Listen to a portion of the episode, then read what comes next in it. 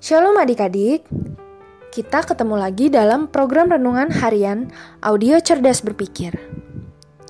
Melalui program ini, kami Shell berharap pikiran kita makin diisi oleh kebenaran firman Tuhan.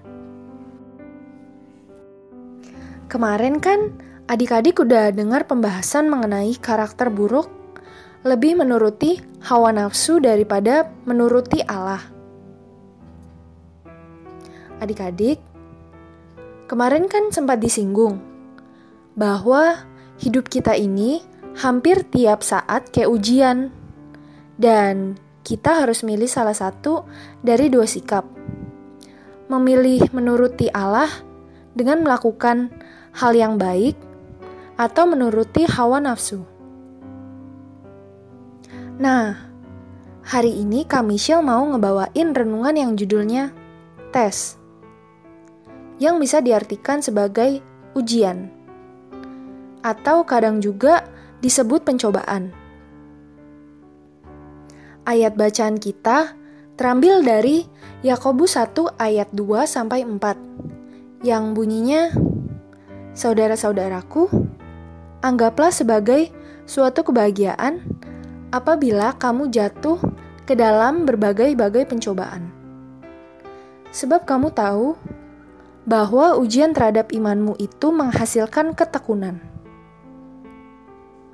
Dan biarkanlah ketekunan itu memperoleh buah yang matang, supaya kamu menjadi sempurna dan utuh dan tak kekurangan suatu apa pun. Adik-adik, dari bacaan tadi, Kak Michelle mau ngasih tahu nih, sebenarnya ya, ujian kehidupan itu bisa menjadi sarana supaya kita makin dewasa. Ujian kehidupan itu bisa berupa ujian kesabaran, ujian ketepatan dalam perkataan, ujian pengampunan, ujian kejujuran, ujian penghormatan terhadap orang tua, ujian penghargaan terhadap sesama, ujian integritas, dan lain sebagainya. Dan ingat, pilihan gandanya cuma dua. Misalnya dalam ujian kesabaran nih, kita misalnya dibikin kesal sama teman.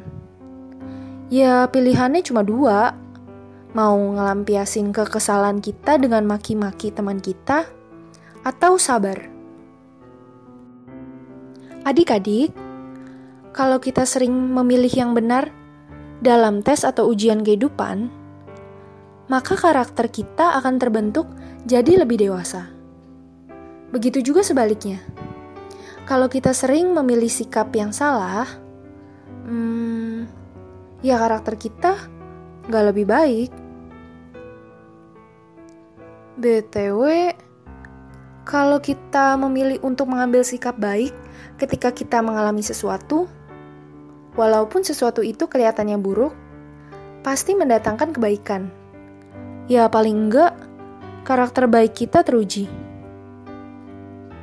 Misalnya, peristiwa banjir karena hujan lebat yang terjadi beberapa waktu lalu. Hmm, Kak Michelle nggak bilang peristiwa itu adalah hal yang baik loh ya.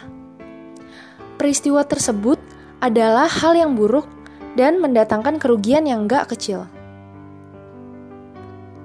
Kak Michelle juga turut perhatiin kepada para korban banjir.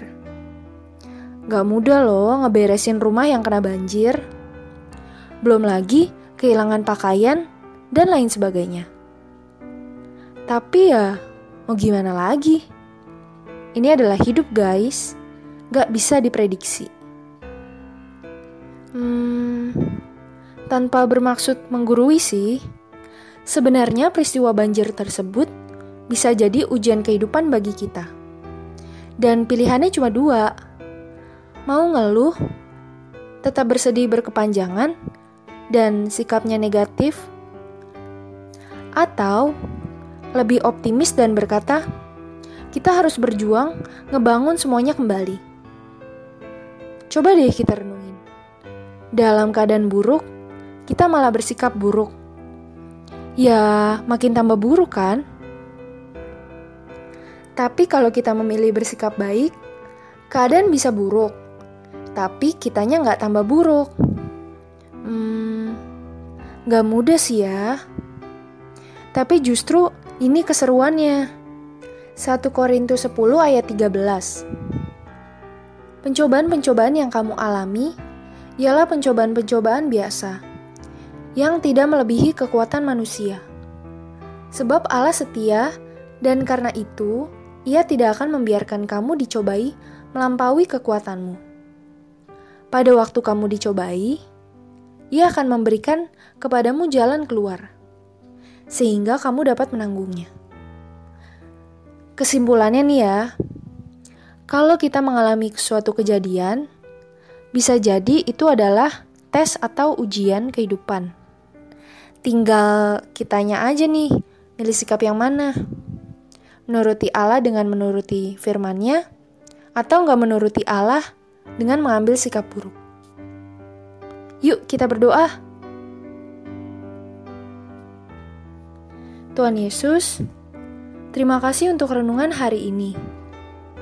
Biarlah melalui renungan hari ini, kami bisa menjadi anakmu yang bisa menjalani tes atau ujian kehidupan dengan memilih sikap berdasarkan firman-Mu. Terima kasih ya Tuhan. Amin. Oke, tetap sehat, tetap semangat, dan tetap jadi berkat.